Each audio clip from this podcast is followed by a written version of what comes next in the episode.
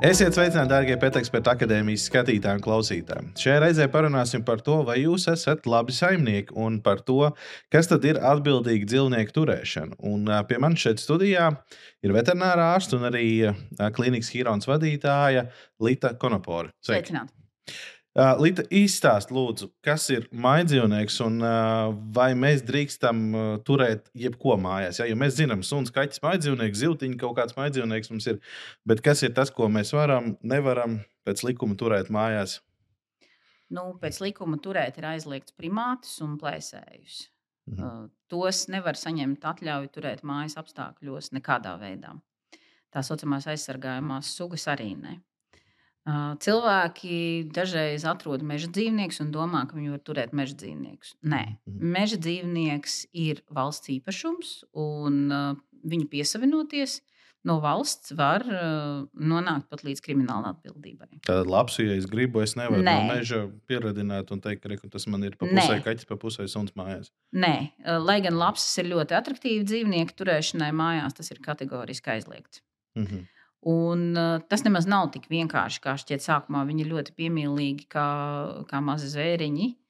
Bet tieši tāpēc cilvēki tiek aicināti neaiztikt, vispār neiejaukties dzīvajā dabā, jo iespējams tam meža dzīvniekam turpat tās tūmā kaut kur ir mamma.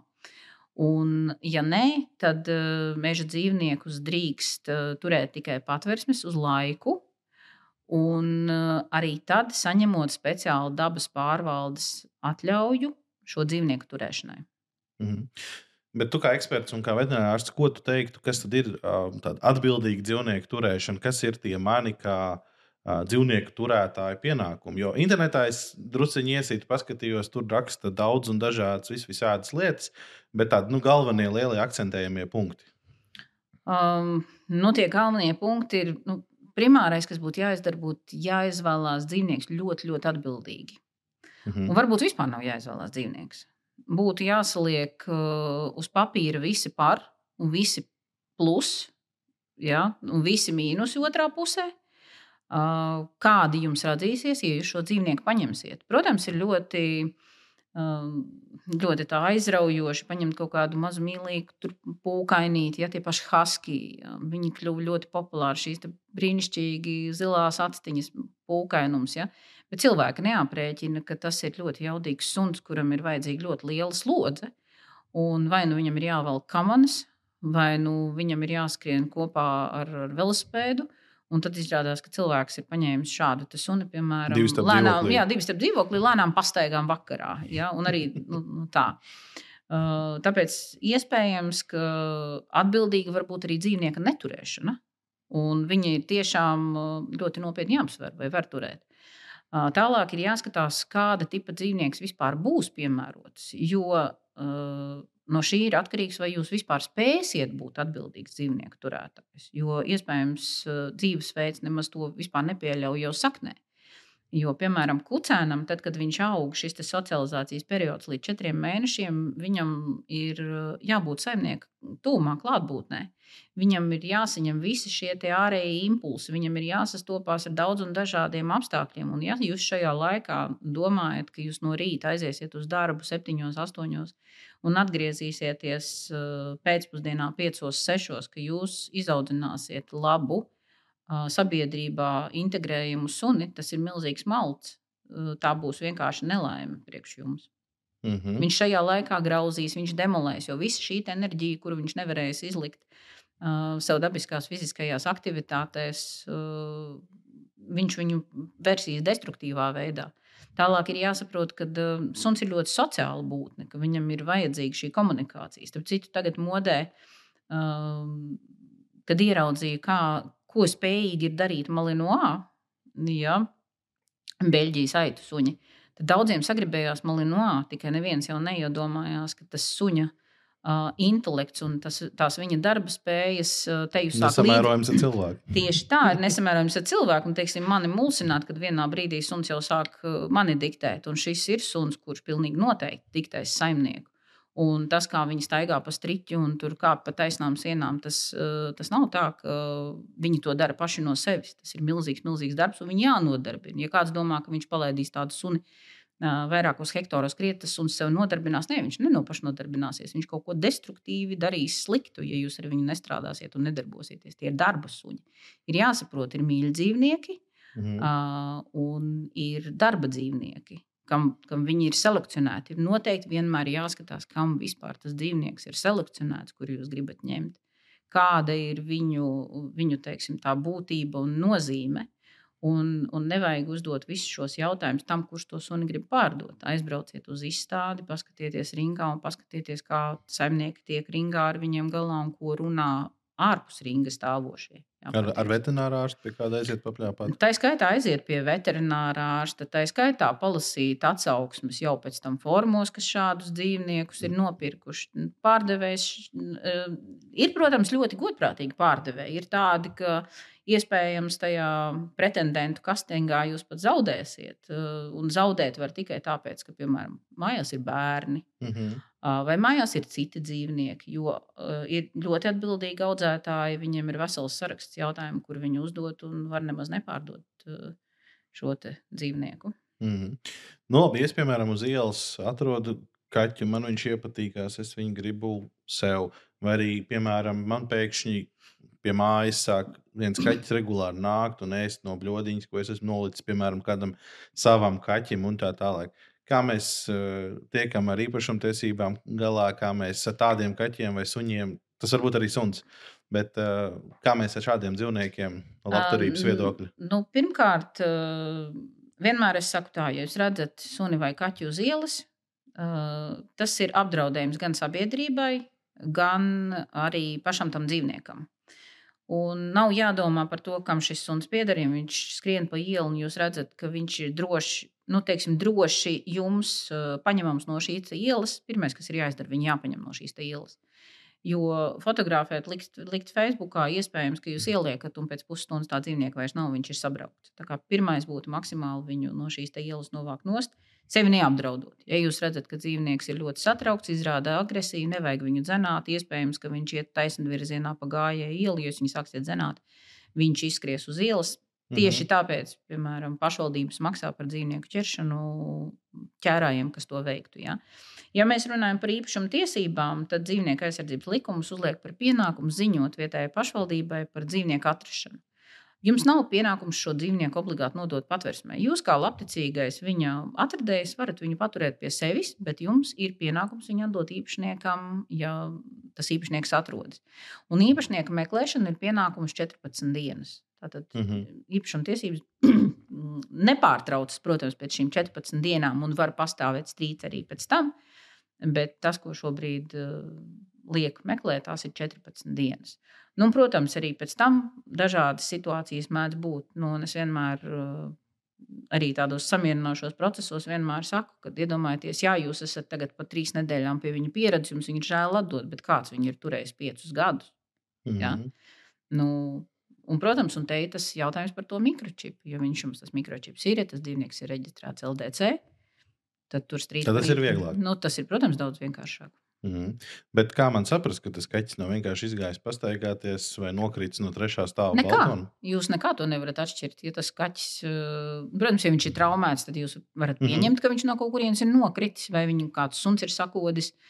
Un, un, protams, ka viņam vajadzētu sniegt palīdzību, bet uh, ārēji jūs, protams, nekā nevarat pateikt. Bet, ja viņš ir labā kondīcijā, viņš murā un Mm. Un pats izvēlās jūs kā saimnieku. Izvēlās pats jūs kā saimnieku. Nu, it kā jau slikta tajā nav. Manuprāt, tie sliktumi tajā juridiskajā atbildībā sākās tajā brīdī, kad tas otrs cilvēks saka, tas ir mans kaķis. Viņš saka, nē, nekā neatdošu, tu esi slikts saimnieks. Ja, nē, es tev neatdošu. Mm -hmm. nu, tas, manuprāt, vairs nav ētiski. Nevienam nav tiesība novērtēt, kādi ir bijuši tie apstākļi. Ja es saku, ka tas ir mans kaķis un, un bērni raudz pēc tā kaķa, nu, tad viņu ir jāatdod. Mm -hmm. Par atbildīgu turēšanu domājot, noteikti tur arī ietilps dažādas slimības un rūpes par, par dzīvniekiem. Kas man šeit, kā dzīvnieka saimniekam, būtu jāņem vērā, lai būtu nodrošināts viss, kas ir vajadzīgs dzīvniekam? Un, ja mēs runājam par tādā klasiskā izpratnē par, par kaķu suni, tad viennozīmīgi tie ir atārpošanas procesi. Tad jānodrošina, lai šis dzīvnieks nesturētu parazīti, lai viņā nedzīvotu, attārpot. parūpēties par to, lai viņiem nedzīvo uz viņiem blusas, parūpēties par to, lai viņiem nepiesūtās ērces, un lai viņiem būtu pieejama iespējamā uh, vakcinācija, kāda konkrētai dzīvnieku sugai ir uh, iespējams nodrošināt. Mm. Bet kā ar tiem klaņojošiem uh, dzīvniekiem, kas mums ir gan suņi, gan kaķi? Uh, nu, piemēram, es laižu savu kaķu ārā, tagad visu dienu pastaigāties. Vakarā es viņu ņemu pie sevis gultā, uh, vai viņš man glaužās klāt. Nu, respektīvi, skaits attēlošana un visas šīs lietas, bet, kā. Nē, man... nu, protams, ka, ja jūs laižat kaķu ārā, jums ir jārēķinās ar to, ka iespējams jūs vakarā glaužaties gar kaut kādu konteineru saturu kurā kaķis ir bijis iekšā, nu, tas ir, nu, tas ir neizbēgami. Ja? Konteineri gan lielākoties ir noslēgti, bet tāpat jūs nevarat izvēlēties tos ceļus, pa kuriem viņš staigā. Nu, tāds ir tas risks. Jā. Mm -hmm.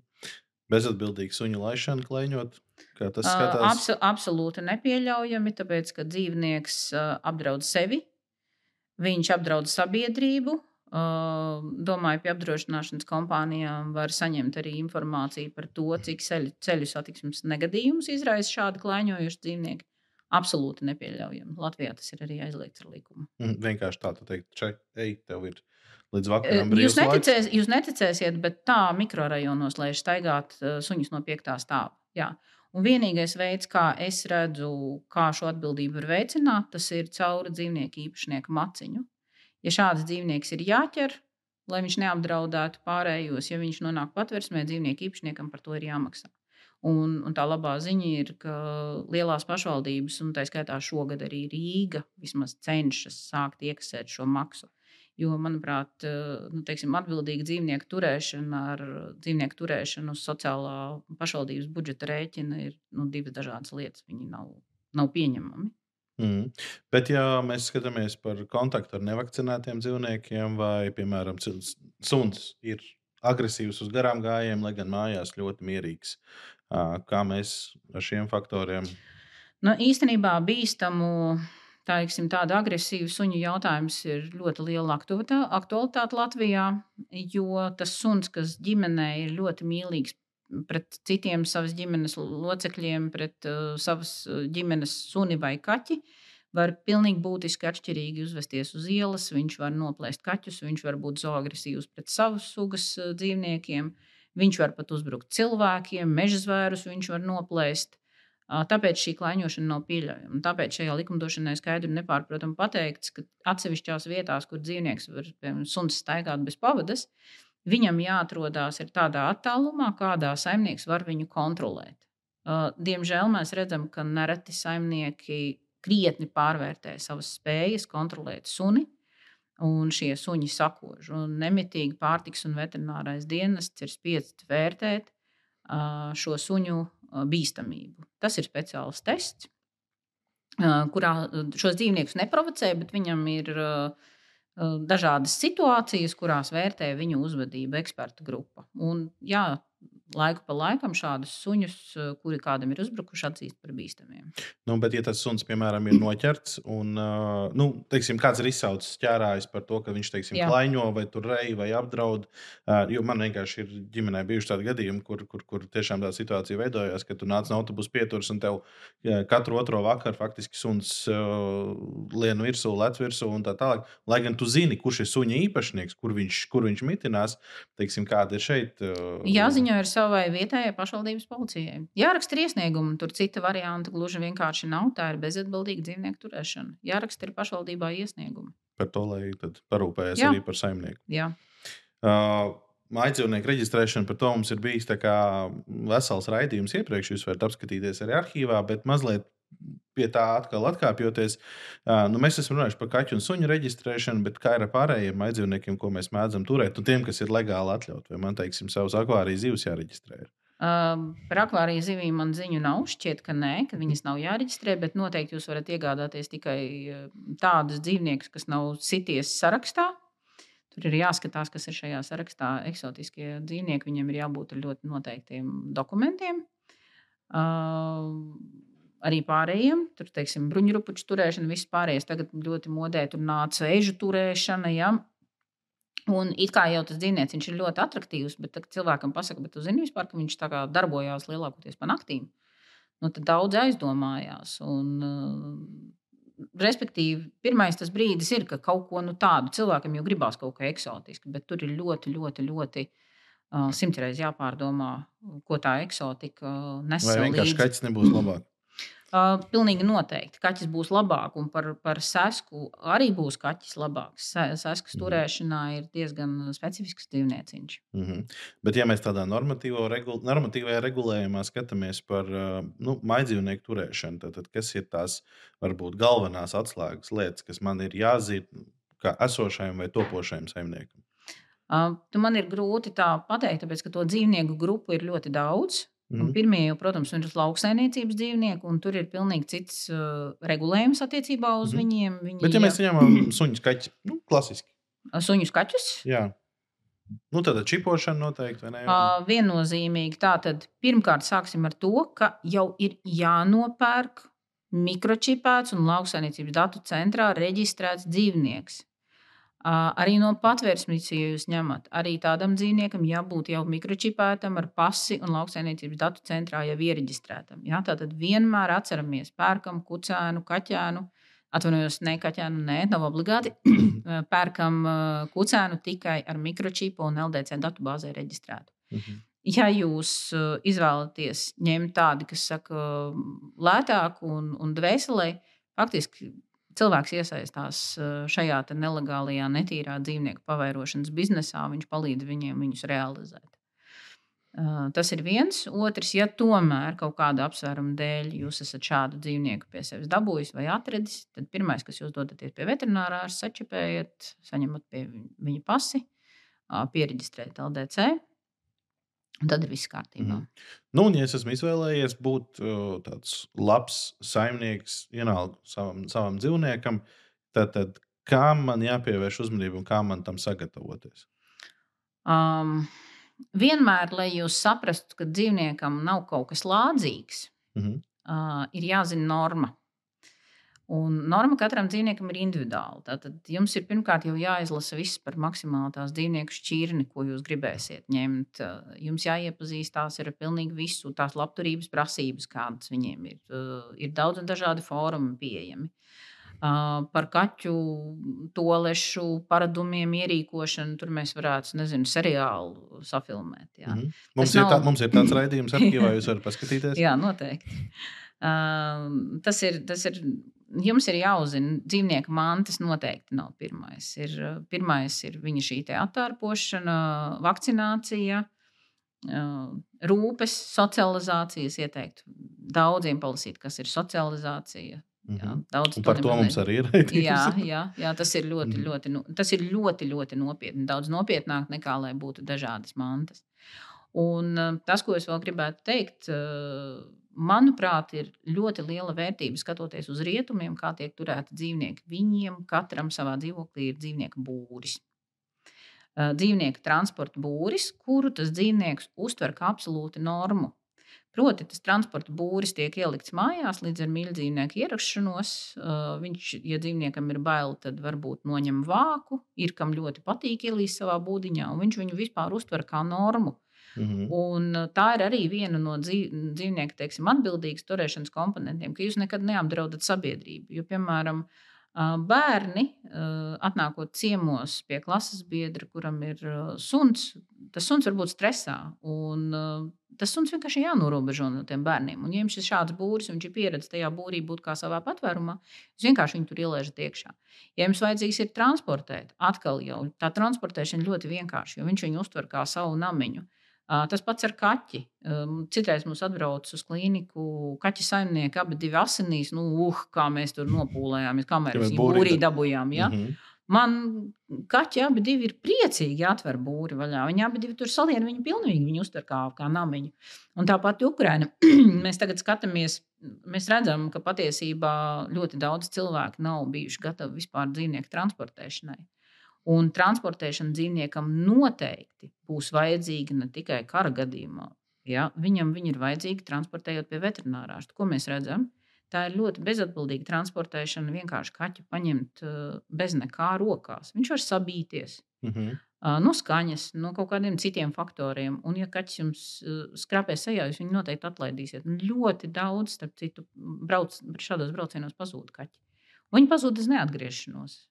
Un tāpēc ir viņi jātransportē kastē, transporta būrī, pie, pie kuras jāpieradina. Mm -hmm. Bet, ja pie tevis atved uh, kaķis un vai mājdzīvnieku uz apskati, nu, tad kā vetārs arī vērtē, vai viņš tiek turēts normālos apstākļos un kādā kondīcijā viņš ir, vai, vai tas tā ir. Vairāk, vairāk nē, nekā jā. Um, vairāk jā, nekā nē. Un veterināra medicīnas likumā mums ir ierakstīts, ja mums rodas aizdomas par to, ka uh, dzīvnieka īpašnieks nepilda savus uzliktos pienākumus, un līdz ar to dzīvnieks cieš vai viņam pat vispār ir, var iestāties nāve, tad mums ir vispār pienākums ziņot pārtiks un veterināriem dienestam. Tā kā, lai klienti neapvainojās, ja veterinārārsts uzskatīs par savu pienākumu dzīvnieku interesēs ziņot pārtiks veterināriem dienestam, tad veterinārārs to darīs. Un es zinu, ka ir gadījumi, kad, kad ziņo Mm -hmm.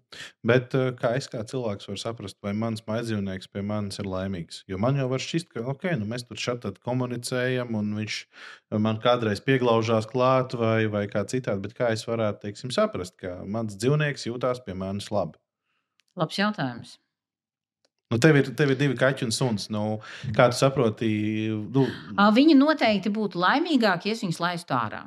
Tas ir viennozīmīgi. Mm -hmm. Viņi noteikti, kaķi noteikti. Visi kaķi būtu noteikti daudz laimīgāki no tā viedokļa, ka viņi varētu iet ārā. Tur es pilnīgi piekrītu. Kaķa dabiskā izpausme būtu šī kāpelēšana pa kokiem, skriešana. Uh, bet ir, ir jāņem kopējais konteksts. Cik tālu jūs atrodaties no, no tā, kas viņus apdraud, cik tālu mm -hmm. ir pilsētā, piemēram, ielas. Vai viņiem ir apdraudējums no kaut kādiem apkārtējiem suņiem. Līdz ar to tas ir jāvērtē.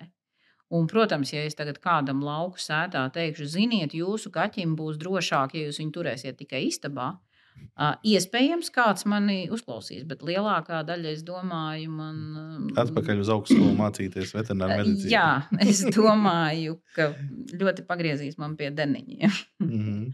Jā, tā kā visu, visu pēc būtības arī par dzīvnieku turēšanas kultūru nosaka, kur tas dzīvnieks atrodas, kurā vietā. Jā. Ko nozīmē laimīgs?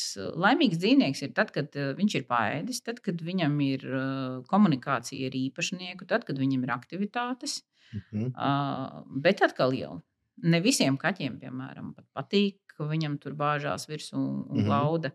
Un parasti jau tas dzīvnieku īpašnieks jūt tās attiecības. Un, protams, ja tas dzīvnieks ir nomākts, ja viņš nenāk ēst, nu, tad ir jādomā par to, kas viņam sāp un kas viņam nepatīk. Mm. Pēc būtības varam vienkārši paņemt Maslowu piramīdu un apmēram tā kā kaķa virzienā vai suņa virzienā pat patestēt un saprast, vai izpildās viss, kas viņam vajadzīgs laimēji.